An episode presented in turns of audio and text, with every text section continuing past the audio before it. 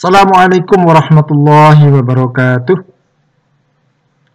Teman-teman yang saya banggakan, semoga kondisi teman-teman pada hari ini dalam kondisi yang baik, sehat walafiat bersama keluarga, ya, dan penuh keberkahan dari Allah SWT.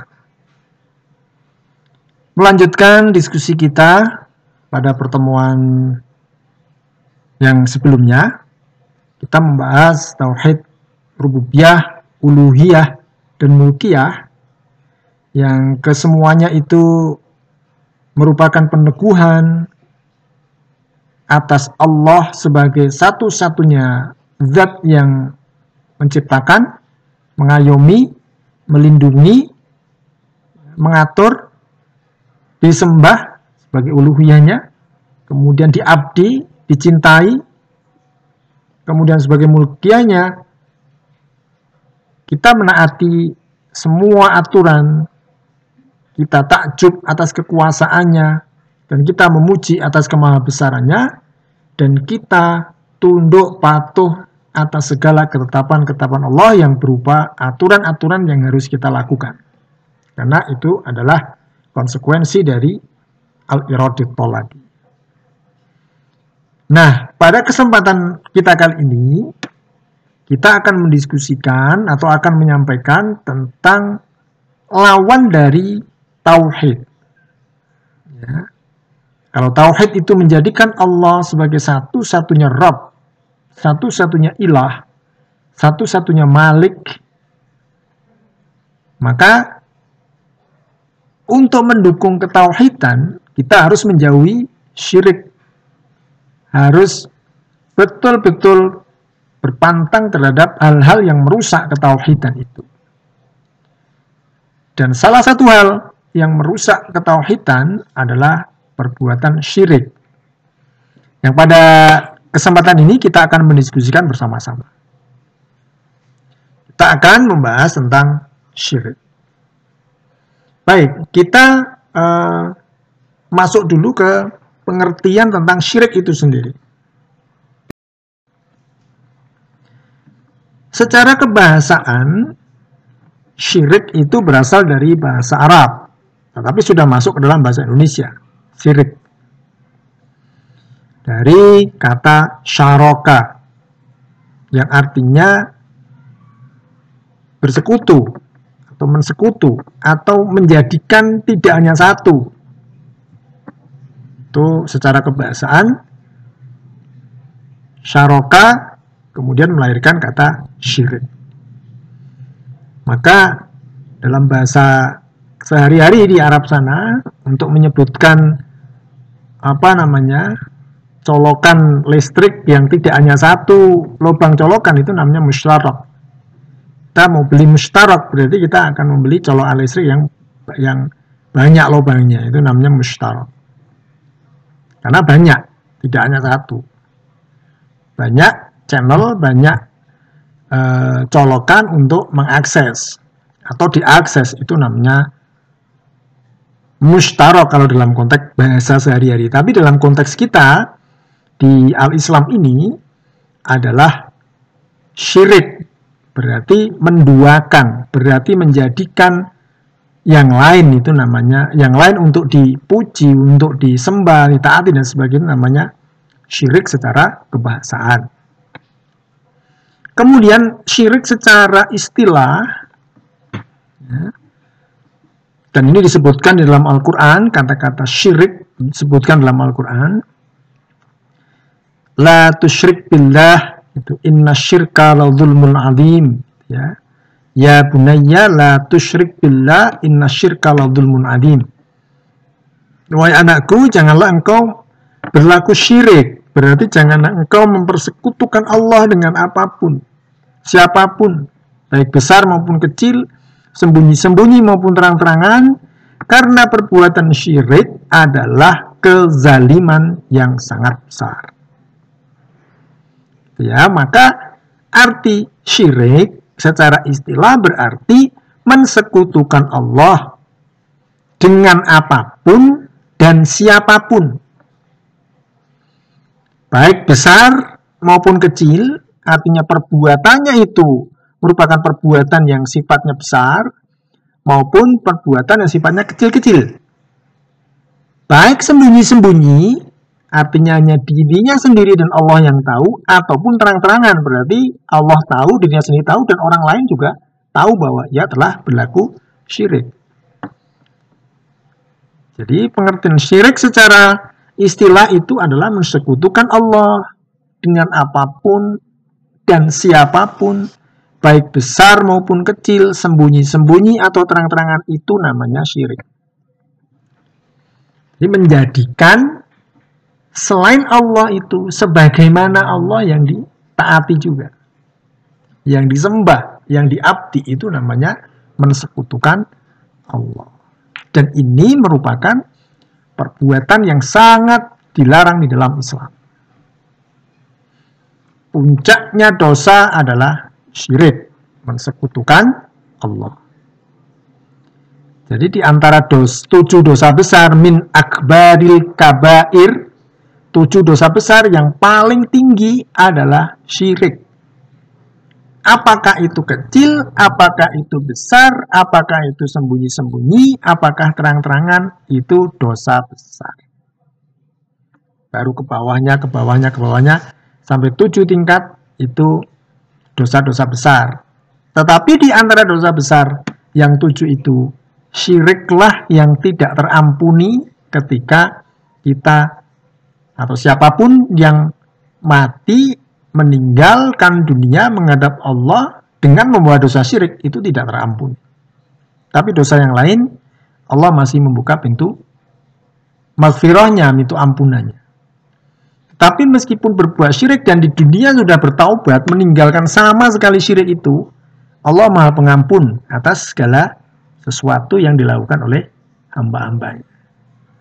Oleh karena itu, ya pengertian secara, secara bahasa maupun secara istilah tentang syirik ini memberi pengertian bahwa syirik merupakan sesuatu yang sangat-sangat dilarang di dalam agama Islam. Seperti itu. Baik, kita lanjutkan. Nah, dari pengertian itu, ya, pengertian yang sudah saya jelaskan tadi, secara istilah terutama, maka perbuatan syirik itu dibagi menjadi dua. Ya. Dibagi menjadi dua. Yang pertama, perbuatan syirik besar, syirkul akbar istilahnya, syirik besar, dan syirkul asghar, syirik yang kecil. Kenapa disebut besar dan kecil? Kalau yang namanya syirik besar itu syirik yang memang betul-betul per, bentuk perbuatannya, kesadaran dan pemikirannya itu merupakan ya atau berwujud menjadi sebuah tindakan yang memang memang besar. Tindakan melakukan syiriknya itu besar dalam arti uh, bukan hanya sekedar pikiran atau bukan hanya sekedar perasaan, tapi sudah berupa perbuatan yang itu besar dan dampaknya juga besar. Nah, kalau yang disebut dengan syirkul asghar itu syirik yang memang kecil. Kecil itu pikiran, perasaan dan perbuatannya itu ya hanya terbatas atau paling tidak hanya dirinya sendiri yang yang tahu kalau orang pun tahu itu ya syirik kecil gitu. Pembagian ini memang berada pembagian dalam ajaran di akidah Islamnya. Ada syirkul asghar dan syirkul akbar. Syirik besar dan syirik Nah, masing-masing jenis syirik itu ada yang sifatnya sembunyi-sembunyi berarti hanya Allah dan dirinya sendiri yang tahu maupun terang-terangan Berarti orang lain semuanya bisa menyaksikan. Baik yang kecil maupun yang besar, itu ada yang bersifat sembunyi-sembunyi dan ada yang bersifat terang-terangan. Jadi pembagiannya seperti itu. Ya, nanti detail contoh-contohnya akan kita jelaskan di belakang.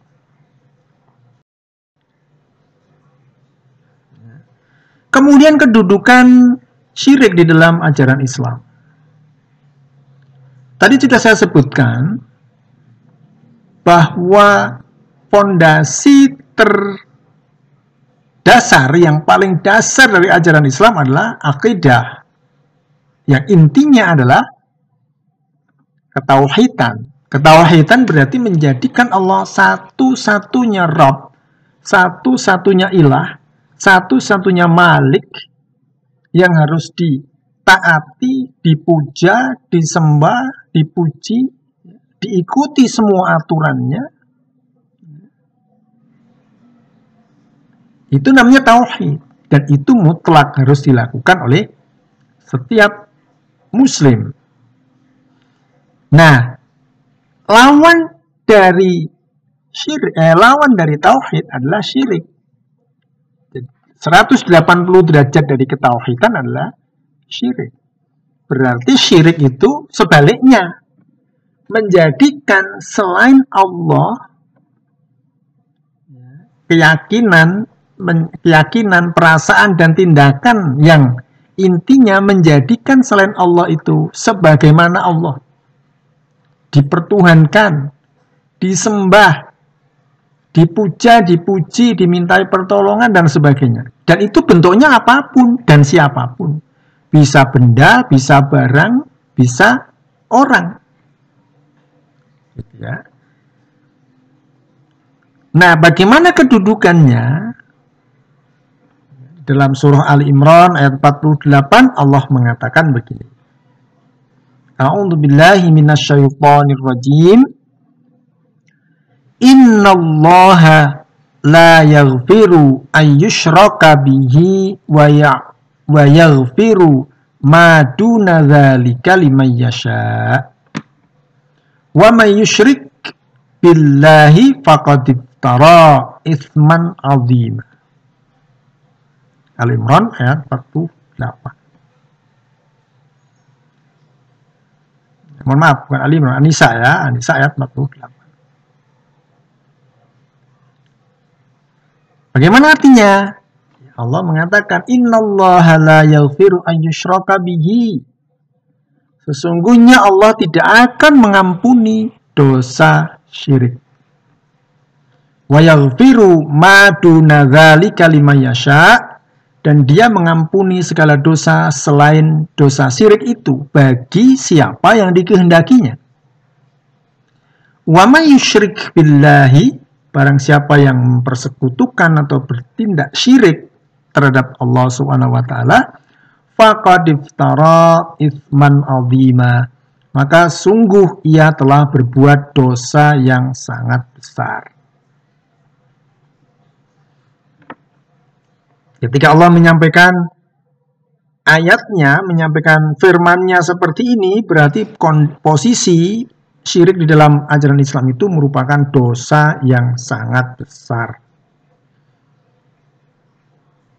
Dan tadi dikatakan dari hadis Nabi min akbaril kabair syirik itu dosa yang paling besar dari di antara tujuh dosa-dosa besar. Dan sesuai pernyataan ayat ini, Allah tidak akan mengampuni dosa syirik. Kalau dia sampai wafat dan tidak memohon ampun kepada Allah. Gitu ya, jadi kedudukan syirik dalam Islam itu dosa yang sangat besar dan tidak diampuni oleh Allah sebelum dia bertaubat, sebelum mati. Nah, lantas bagaimana tindakan umat Islam terkait dengan syirik, ya harus menjauhi jauh-jauh. Bagaimana cara menjauhinya? Harus mengetahui apakah apa, mengetahui tauhid itu seperti apa, syirik itu seperti apa biar kita bisa menjauhi.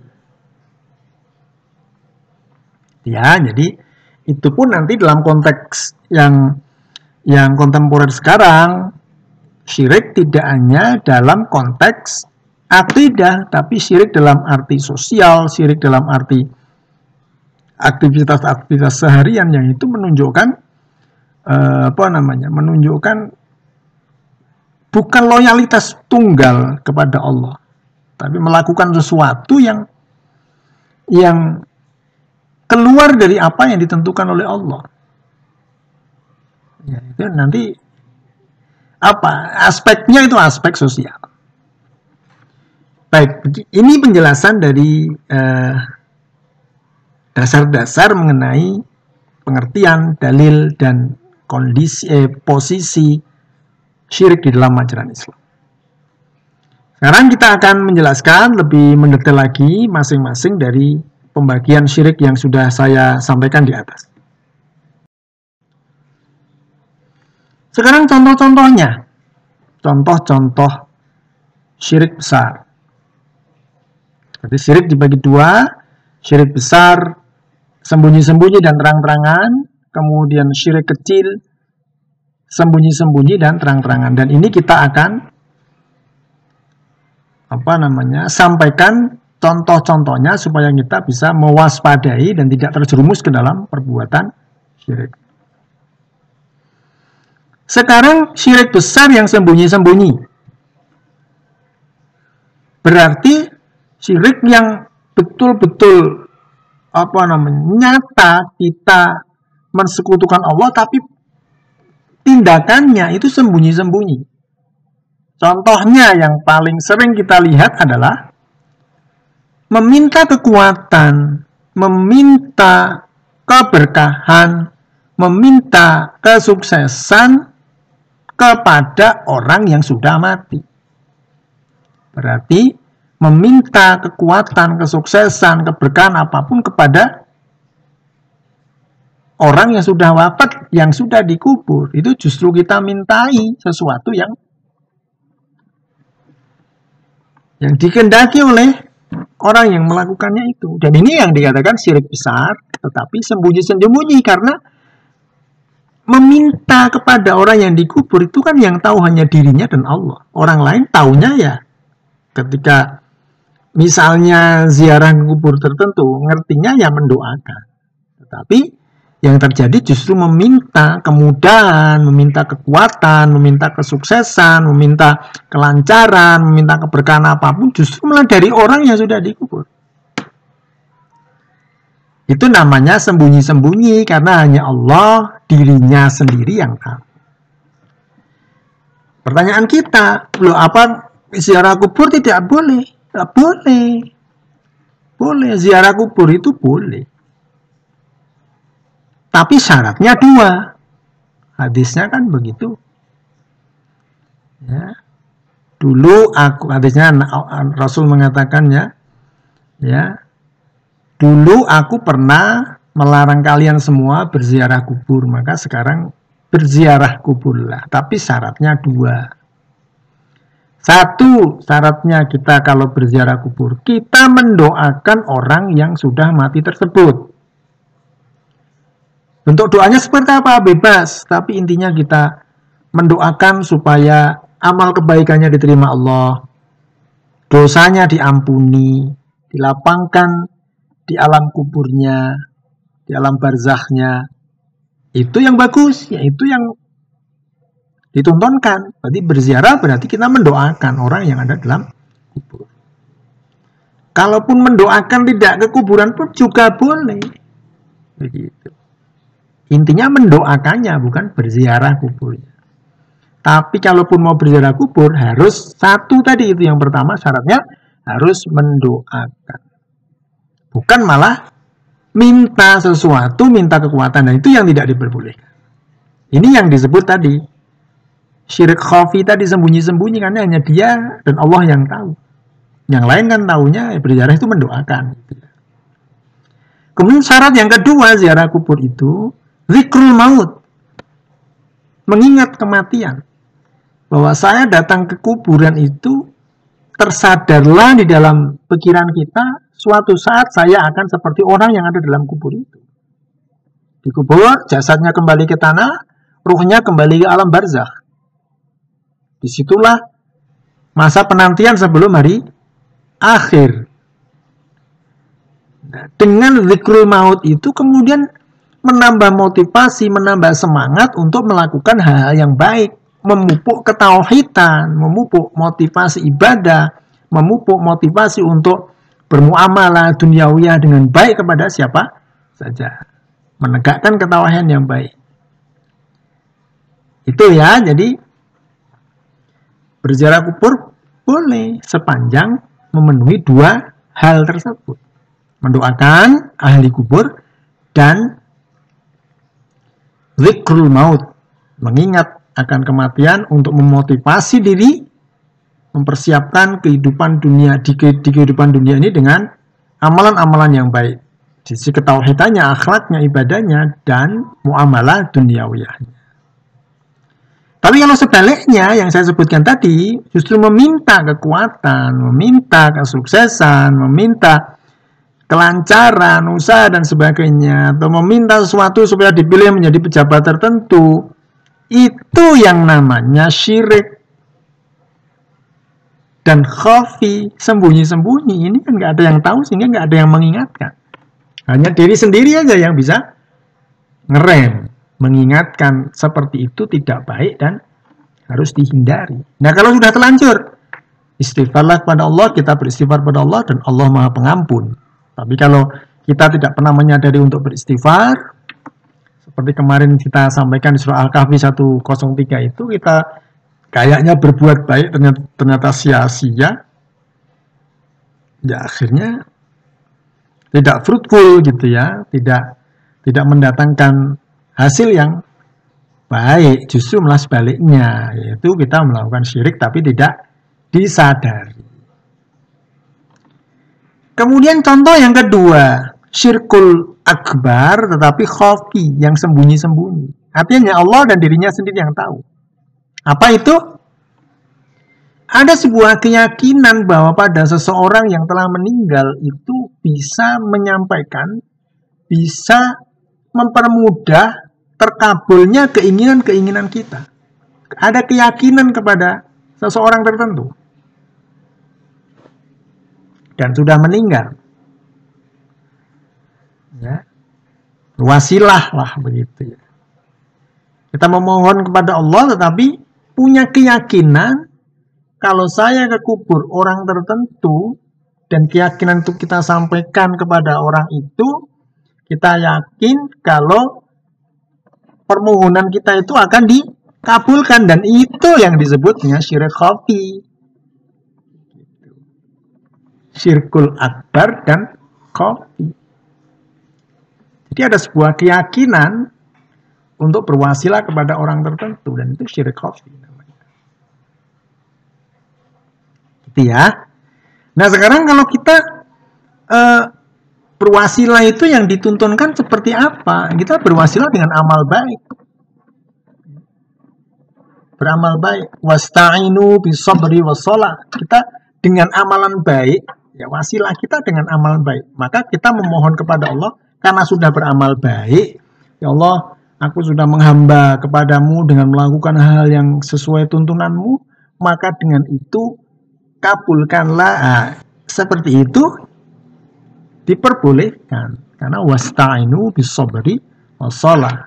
Jadikan sobar dan sholat itu sebagai sarana untuk kita memohon kepada. Tapi kalau keyakinan kepada orang yang sudah meninggal, misalnya si A, itu yakin meninggal, dia itu dulu waktu dunia begini, begini, begini, sehingga kalau sudah meninggal, maka apa namanya, akan terkabul doa kita kalau kita ke kuburnya dia. Nah, itu yang perlu dihindari. Karena tadi kembali yang pertama tadi ke kubur kita mendoakan Allahumma firlahu warhamhu wa'afihi wa'fu'anhu wa wasi madkhalahu akrim nuzulahu misalnya. ya itu ya. Ya, jadi eh, contoh dari syirkul akbar dan khafi. Kita bisa berhati-hati ya, kemudian ketika sudah mengetahui Dan contoh yang lain masih banyak. Nah, waktunya sangat sempit ya mungkin nanti bisa eh, teman-teman uh, mempelajari sendiri di buku kuliah akidah tulisan uh, Profesor Junahar Ilyas. Kemudian contoh dari syirkul asghar eh, syirkul akbar tapi terang-terangan. Berarti nyata. Perbuatannya itu nyata semua orang tahu. Apa contohnya misalnya percaya kepada perdukunan, percaya kepada susuk, jimat, mantra, dan lain sebagainya yang sejenis dengan itu. Kenapa ini di, di, dikatakan syirik dan terang-terangan? Karena pemikiran, kesadaran, dan tindakan orang yang melakukan itu, ya tahu jelas dia memohon pertolongan kepada kahin untuk memuluskan apa yang diinginkan. Instan. Nah, padahal Allah mengatakan, kalau kamu menginginkan sesuatu, berdoalah, memintalah kepadaku. Udu'uni astajib lakum. Yang kemarin sudah kita diskusikan. Ya. Udu'uni astajib lakum. Mintalah kepadaku. Jangan jangan uh, melakukan sesuatu yang melalui hal-hal yang memang dilarang oleh jalan Islam misalnya. Ya, supaya tampil uh, bagus, keren, ya, mempesona misalnya dengan menggunakan susu, jimat tertentu, mantra-mantra tertentu dan dia yang yang melakukan itu percaya kalau itu akan mempengaruhi tingkat keberhasilan dan kesuksesan dan itu yang disebut dengan syirik.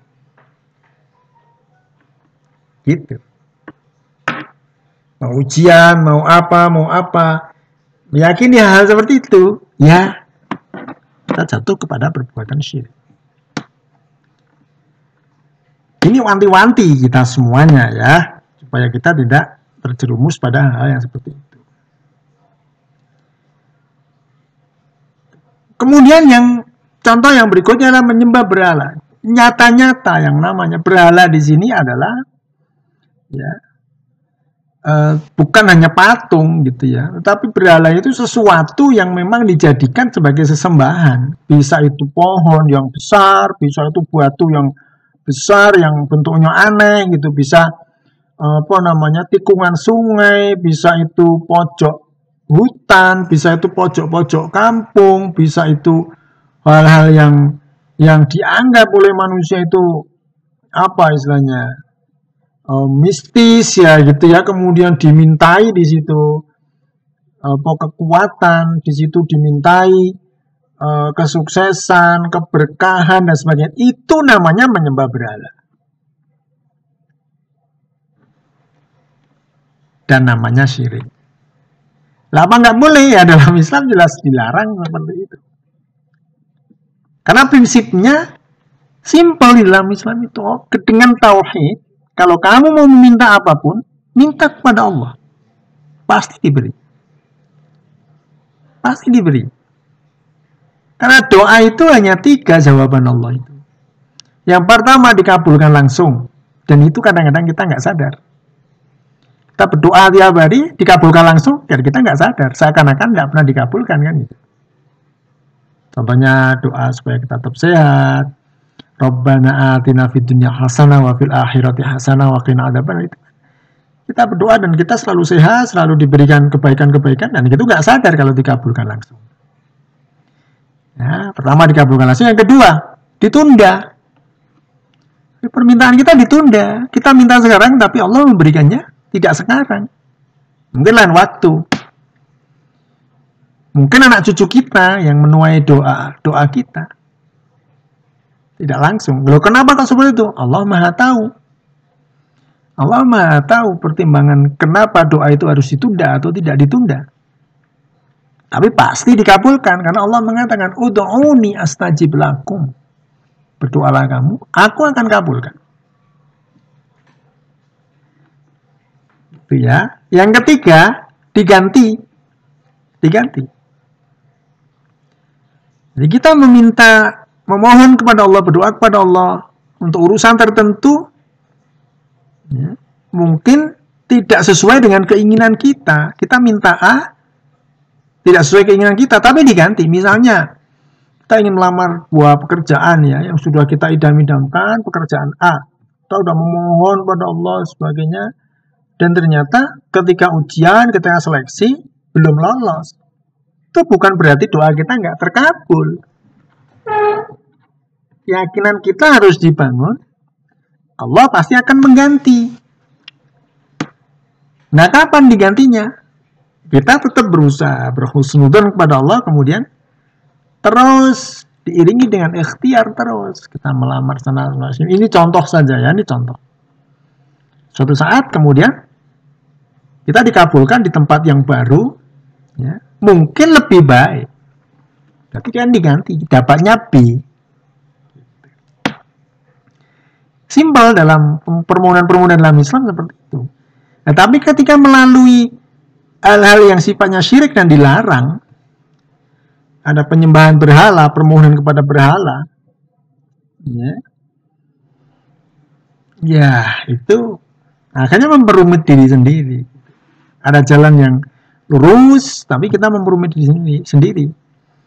Kenapa kok justru tertarik dengan hal yang sifatnya syirik ini? Karena memang instan, biasanya instan, langsung, kalaupun tidak langsung itu, di situlah bujukan-bujukan setan itu ingin menjerumuskan manusia itu kemudian dihiasi perbuatan-perbuatan seperti itu selalu indah, enak meskipun memakan biaya banyak. Contohnya sakit gitu ya, nggak sembuh-sembuh, dokter nggak sembuh-sembuh, ke herbal nggak sembuh-sembuh, datang ke dukun tertentu. Ya. Dan dukun memerintahkan supaya kamu pergi ke pojok kampung setiap hari ini, hari ini dengan membawa ini, membawa ini, kamu ngasih sesaji-sesaji ke sana, persembahan-persembahan ke sana, ya, di, diikuti. Diikuti. Belum sembuh juga, datang lagi. Kamu harus mencari kambing yang warna hitam, kemudian coraknya di tengah itu putih, atau kambing putih, coraknya hitam, namanya kambing, ya wedus kendit istilahnya gitu. Di, di Jawa gitu mahal mencarinya ke mana-mana itu cari mahal habis jutaan untuk mencari. Ya dicari ketemu nggak sembuh juga gitu suruh ini lagi. Sampai duitnya habis banyak tapi tetap diikuti. Dan itu setan menjadikan indah perbuatan itu. Nggak merasa kehilangan duit yang segitu banyak untuk berobat gitu. Ya itu dengan tadi obat yang fisik dan obat non fisik berarti dengan husnudan pada Allah mendekatkan diri pada Allah berzikir pada Allah. Karena kesembuhan itu datangnya dari Allah. Tidak ada penyakit yang tidak ada obatnya nah, itu yang kalau diyakini berarti kita menjauhkan diri dari menyembah berhala itu. Gitu ya. Kemudian mempertuhankan manusia. Sesama manusia tapi kita menjadikan seakan-akan tumpuan keberhasilan, tumpuan kesuksesan, tumpuan kemalangan dan keuntungan. Apa pun segala apa pun yang yang terkait dengan diri seseorang itu pada orang tersebut. Kepada orang lain yang dipuja-pujanya itu.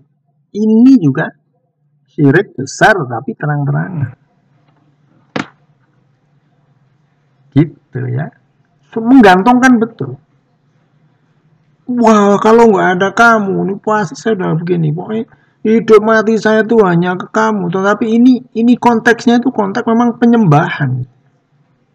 Penuhan penuhanan mengkultuskan gitu ya.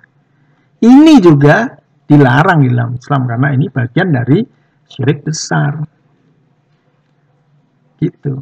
Kalau yang terang-terangan terlihat orang bisa me menyadarkan, tapi yang sembunyi-sembunyi tadi tidak terlihat sehingga tidak bisa disadarkan. Hanya diri sendiri kita semuanya yang harus kemudian mengoreksi apakah yang kita lakukan itu merupakan perbuatan syirik atau tidak. Dengan cara apa ya? Dengan cara kita kemudian apa namanya? Ikhlas. Uh, maksud saya itu mukhlis. Kita betul-betul menuntaskan semua yang terkait dengan ketauhidan. Berarti kita hanya kepada Allah saja dan menghilangkan segala sesuatu selain Allah. Maka la ilaha illallah. Tidak ada Tuhan. Di dunia ini tidak ada Tuhan. Kecuali Allah. Maka segala permohonan, segala permintaan, segala keluh kesah, segala tumpahan, kegundahan yang dirasakan dunia, segala beban semua sampaikan kepada Allah. Yang akan memberi jalan keluar, yang akan memudahkan, yang akan memberikan keringanan, kemudahan, kelancaran, dan apa pun itu hanya Allah SWT. Sarananya dengan upaya-upaya kita atau mungkin orang lain sarananya Allah akan memberikan kemudahan kepada kita.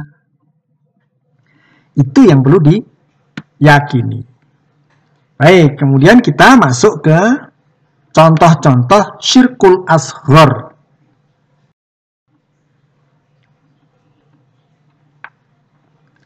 Sebagaimana syirkul akbar, syirkul asghar dibagi dua. Yang pertama sembunyi-sembunyi, berarti hanya dia dan Allah saja yang tahu. Ya. Dan terang-terangan. Berarti terlihat perbuatan syiriknya itu terlihat. Nah, contoh syirkul asghar adalah yang sembunyi-sembunyi adalah perbuatan ria. Dan Rasul mengatakan, aku sangat takut kepada perbuatan hamba-hamba uh, umatku yang tidak disadari tetapi akan membuat dia melakukan sesuatu kesyirikan. Apa itu? Syirkul asgor. Dan apa syirkul asgor itu adalah ria. Ria. Ria itu berarti apa? Melakukan sesuatu ya, supaya mendapatkan apa pujian, supaya mendapatkan sanjungan, supaya mendapatkan penilaian dan perspektif persepsi positif dari orang lain. Padahal tuntunan yang diberikan oleh Allah secara ketauhidan adalah kita melakukan apa pun itu lillah. Lillahi ta'ala. Kita menyumbang sesuatu. Orang lain tahu apa nggak tahu. Allah yang menilai. Kita melakukan sesuatu kebaikan kepada orang lain, kepada masyarakat, kepada lingkungan sekitar. Biarlah Allah aja yang menilai. Saya tidak butuh pujian orang lain. Itu yang ditanamkan. Bukan sebaliknya. Kalau ria itu melakukan sesuatu, misalnya kebaikan-kebaikan, sodako, misalnya menyumbang sesuatu, dan sebagainya. Tujuannya supaya orang lain itu menilai dirinya itu baik. Tujuannya supaya orang lain itu memuji dia.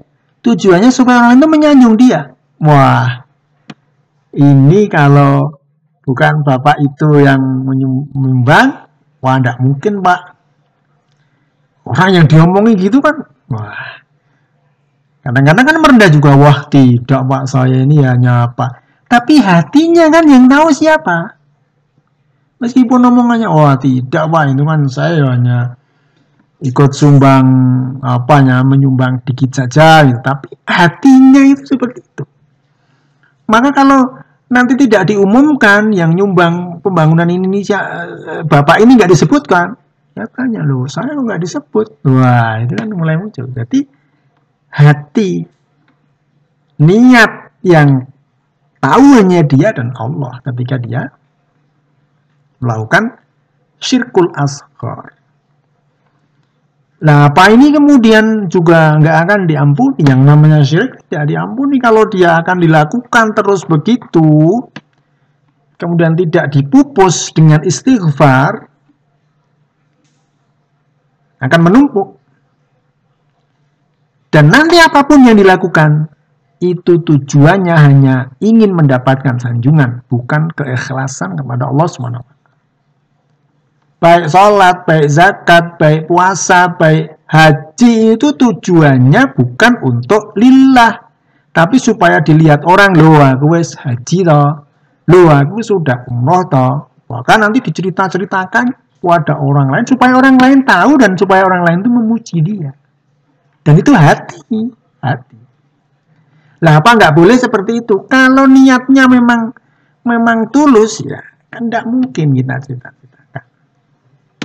itu ya, ini namanya syirkul asgar yang khafi. Ya, syirkul asgar yang khafi ria. Gitu. Ria. Kemudian sekarang syirkul asgar yang terang-terangan. Jadi dilakukan terang-terangan, bukan hanya persoalan hati saja, tapi sudah mewujud dalam perbuatan yang terang-terangan. Yang pertama contohnya, terlalu terfokus pada manusia, terlalu berharap pada manusia. Wah, Pak, kalau bukan panjenengan, hidup saya sudah sengsara. Nah, itu terlalu berharap pada manusia. Bukan hanya kepada manusia, tapi kepada yang lain-lain misalnya. Wah saya sejak melihara kucing, wah rezekiku lancar misalnya gitu. Wah itu juga itu tidak boleh seperti itu. Wah saya sakit sakitnya sakit penyakit saya sembuh itu kan karena saya minum obat ini. Itu juga bagian dari itu. Ya, bagian dari itu. Ya, maka terlalu berharap pada manusia atau yang lain. Ya, seperti itu. Tapi kalau sudah merupakan keyakinan yang sangat mendalam misalnya, saya menyimpan benda ini, misalnya pusaka tertentu, benda tertentu yang didapatkan dari, tapi misalnya kain Ka'bah lah gitu ya, kain Ka'bah. Saya menyimpan ini karena ini mengandung kekuatan dan akan menjadikan hidup saya lancar, hidup saya sukses, usaha saya lancar, untungnya besar, ya saya gara-gara kain Ka'bah ini, kain kiswa ini. Kalau itu sudah sirkul akbar, terang-terangan. Gitu ya. Kita nggak usah nggak usah mematok ini sirkul as, asghar akbar, tapi intinya kalau itu syirik jauhi. Jauhi atau keyakinan-keyakinan tertentu. Mau pergi tengah jalan melihat ular. Punya keyakinan. Wah ini sudah ada tanda-tanda ketemu ular. Berarti nanti kita akan sengsara. Nah itu juga harus dihindari. Karena sengsara tidak sengsara itu dari Allah dan ikhtiar kita. Supaya nggak sengsara kita berdoa pada Allah supaya dilindungi terus. Tapi kita juga ikhtiar berhati-hati di jalan berdoa seperti apa tapi kita uh, nyetirnya atau kita naik motornya atau naik kendaraannya itu ya tidak berhati-hati. Jalan semua pokoknya apa namanya bahasa kita itu sembarangan. Ya nggak selamat. Gitu ya. itu contohnya. Contoh sirkut asgor yang tenang-tenang kemudian yang berikutnya horoskop. Ramalan-ramalan ramalan-ramalan bintang itu loh. Ya. Sagittarius lahir. Sekian sekian. Rezeki. Rezeki hari Senin lancar hari Sabtu tidak lancar. Gitu ya. kesehatan. Terkait perut. Asmara. Wah. Sedang apa namanya diuji kesabarannya. Misalnya itu. Dan itu diyakini gitu loh diyakini nyata-nyata diyakini sampai betul-betul setiap Senin dan Kemis itu betulan berharap rezekinya lancar. Dalam hal kesehatan ter ter terkait dengan perut itu yo diyakini betul, menjaga betul. Kemudian dalam hal marah misalnya sedang harus bersabar itu ya kemudian mencari segala sesuatu untuk memecahkan persoalan ya, komunikasi yang buntu misalnya itu yakin betul. Nah itu kita terjerumus pada sirkul asghar. Terang-terangan karena ya bisa saja kita apa namanya setiap hari Senin dan Kamis misalnya kita usahanya lancar tapi tidak percaya kepada satu ramalan tertentu pokoknya ya ini saya memang berusaha karena Allah memang menyuruh saya berusaha keras tidak ada keyakinan apa saya hanya berharap pada Allah untuk seperti ini. Nah itu tidak apa, tidak apa-apa, bagus seperti itu. Menjaga kesehatan perut yang bagus kalau niatnya memang karena Allah sudah memberikan tanda-tanda kalau saya makan ini makan ini perut saya nggak bagus maka saya berusaha untuk menghindari makanan itu. Itu ya jadi lah boleh nggak kita baca-baca horoskop setiap Selasa di koran tertentu misalnya di pojok kiri bawah halaman 2 oh boleh ah, boleh aja kita baca boleh sing penting nggak yakin memang guyon-guyon lucu-lucunan boleh aja yang penting tidak menjadi sebuah keyakinan yang akan mendorong kita untuk berpikiran, berperasaan dan berbuat sesuai dengan keyakinan itu. Boleh, sing makanya guyon-guyon gitu ya. Hanya untuk fun-fun aja gitu. Dan yang berikutnya misalnya ramalan, ramalan tertentu, ramalan tangan misalnya. Wah garis tangannya begini nih, oh, ini ini ke selatan misalnya. Wah, akhirnya percaya betul. Wah tanggal lahirnya sekian, pasarannya ini, wah ini nggak boleh begini-begini nggak, wah nggak. Nggak usah diyakini seperti itu. Mau menikah oh yang perempuannya lahirnya tanggal sekian hari kemis misalnya yang yang laki-laki tanggal sekian hari ini wah ini nggak boleh ini menurut Ramlan nah, itu nggak usah dipercaya kalau dipercaya kita jatuh kepada syirkul asghar yang terang terang jadi begitu ya begitu penjelasan tentang syirik itu. Baik yang besar maupun kecil, baik yang sembunyi-sembunyi maupun terang-terangan. Nanti lihat contoh eh, contoh-contoh lain di di buku teks kita. Ya, baik kita lanjutkan. Sekarang dampak dari perbuatan syirik. Dampak di dunia ini ya, yang kita jelaskan dampak di dunia. Kalau di akhirat sudah jelas tidak terampuni. Kalau nggak terampuni mau ke mana kita? Yang punya surga itu Allah. Kalau kita sudah nggak diampuni, gimana? Kita bisa membayangkan misalnya kita terkena kasus hukum, hakim tidak mengampuni permohonan kita, ya sudah.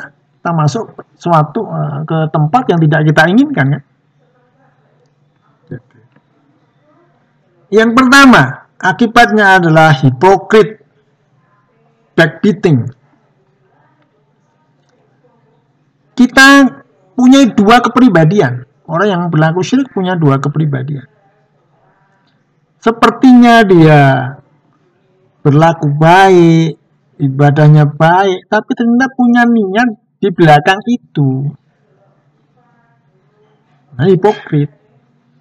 Menipu diri sendiri. Gitu ya. ya. Kemudian kemunduran dalam berpikir, baik ya, kemunduran dalam dalam kita berpikir, akhirnya mundur, rasionalitas kita hilang. Contohnya misalnya ada kesulitan kita, bukan memohon pada Allah, tapi malah tadi mendatangi seorang yang kita anggap luar biasa, mempunyai keahlian yang luar biasa, kemudian menyuruh kita untuk berendam selama 24 jam di pertemuan dua sungai misalnya, itu dilakukan betul-betul. Kemunduran cara berpikir rasional kita. Kalau dipikir masa hanya berendam kemudian menyelesaikan persoalan, ya tapi karena setan sudah memang mengajak kita menyerumuskan ke arah-arah yang irasional, maka akibat dari perbuatan syirik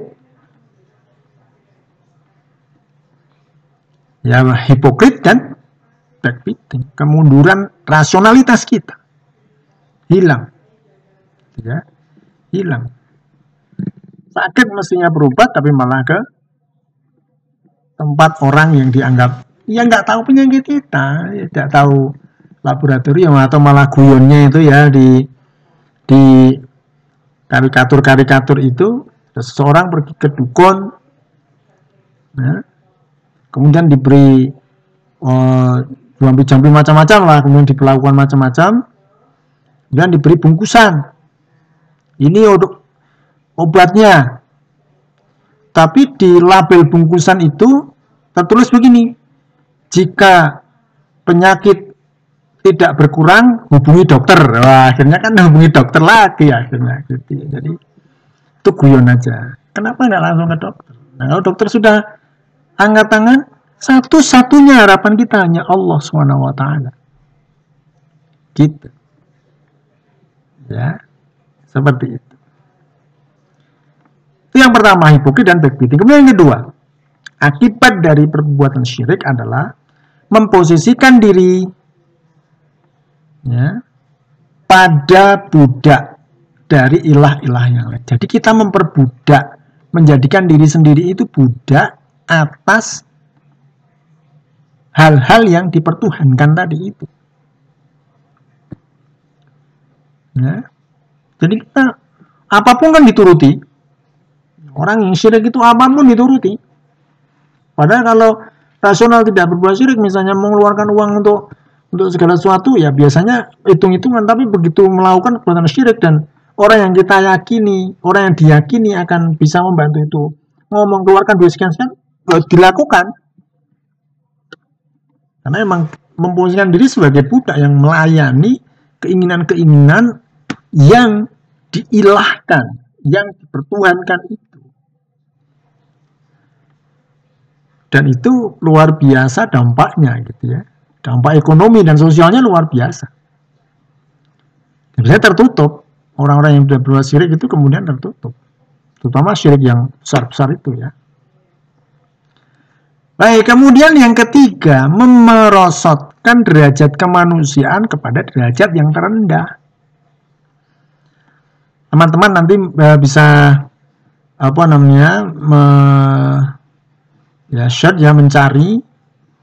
Ada penjelasan saya nggak tahu saya itu ngisi pengajian di mana gitu. Yang intinya kenapa syirik itu dilarang? Ada dua alasan. Salah satunya adalah ini memerosotkan derajat kemanusiaan pada derajat terendah karena apa? Manusia itu kan makhluk tertinggi derajatnya di mata Allah. Di antara makhluk-makhluk Allah manusia itu tertinggi. Walaqad karramna bani adama wa hamalnahu fil bahri wa razaqnahu minat tayyibati wa fadlnahum ala katsirin mimman khalaqna tafdila. Ayatnya kan begitu. Sungguhnya aku sudah memuliakan anak-anak Adam, aku angkut di lautan dan di daratan, aku beri rezeki yang baik-baik dan aku lebihkan keutamaannya di atas sebagian besar makhluk-makhluk kami dengan keutamaan yang tinggi. Karena posisi manusia itu sebagai makhluk tertinggi, ketika manusia itu justru meminta pertolongan kepada sesama atau kepada makhluk yang lebih rendah, maka dia memerosotkan derajat kemanusiaannya yang tinggi itu berada pada derajat yang rendah. Masa dengan batu yang dianggap turun dari langit saja kemudian dicelup-celupnya kemudian kita yakin. Manusia dengan batu derajatnya tinggi batu sehingga batu itu wah, yakini sedemikian rupa. Ya oke lah keyakinan di balik batu itu ada kekuatan. Kekuatan itu apa? Kekuatan itu makhluk juga. Dan posisi makhluk yang berada di balik kekuatan batu itu lebih rendah dari dari derajat kita manusia. Lah kalau kita yakin ke situ berarti kita memerosotkan derajat kemanusiaan kita. Gitu. Sehingga tiga hal ini akan betul-betul mempengaruhi ya, mempengaruhi fikroh kita, pola pikir kita, perasaan kita dan tindakan kita. Kita itu maksudnya orang-orang yang melakukan syirik itu. Sebaliknya, besok akan kita bahas, tauhid akan memengaruhi pola pikir, perasaan, dan tindakan orang-orang yang bertauhid. Itu pasti positif semuanya. Nanti akan kita jelaskan sampai munculnya pembaruan-pembaruan yang ada di dunia Islam, khususnya nanti kemudian kenapa muncul Muhammadiyah itu akan kita jelaskan paruh kedua dari perkuliahan. Teman-teman yang baik, ini dulu mungkin ya jadi penjelasan kita terkait dengan perbuatan syirik. Semoga ini bisa memberi gambaran awal.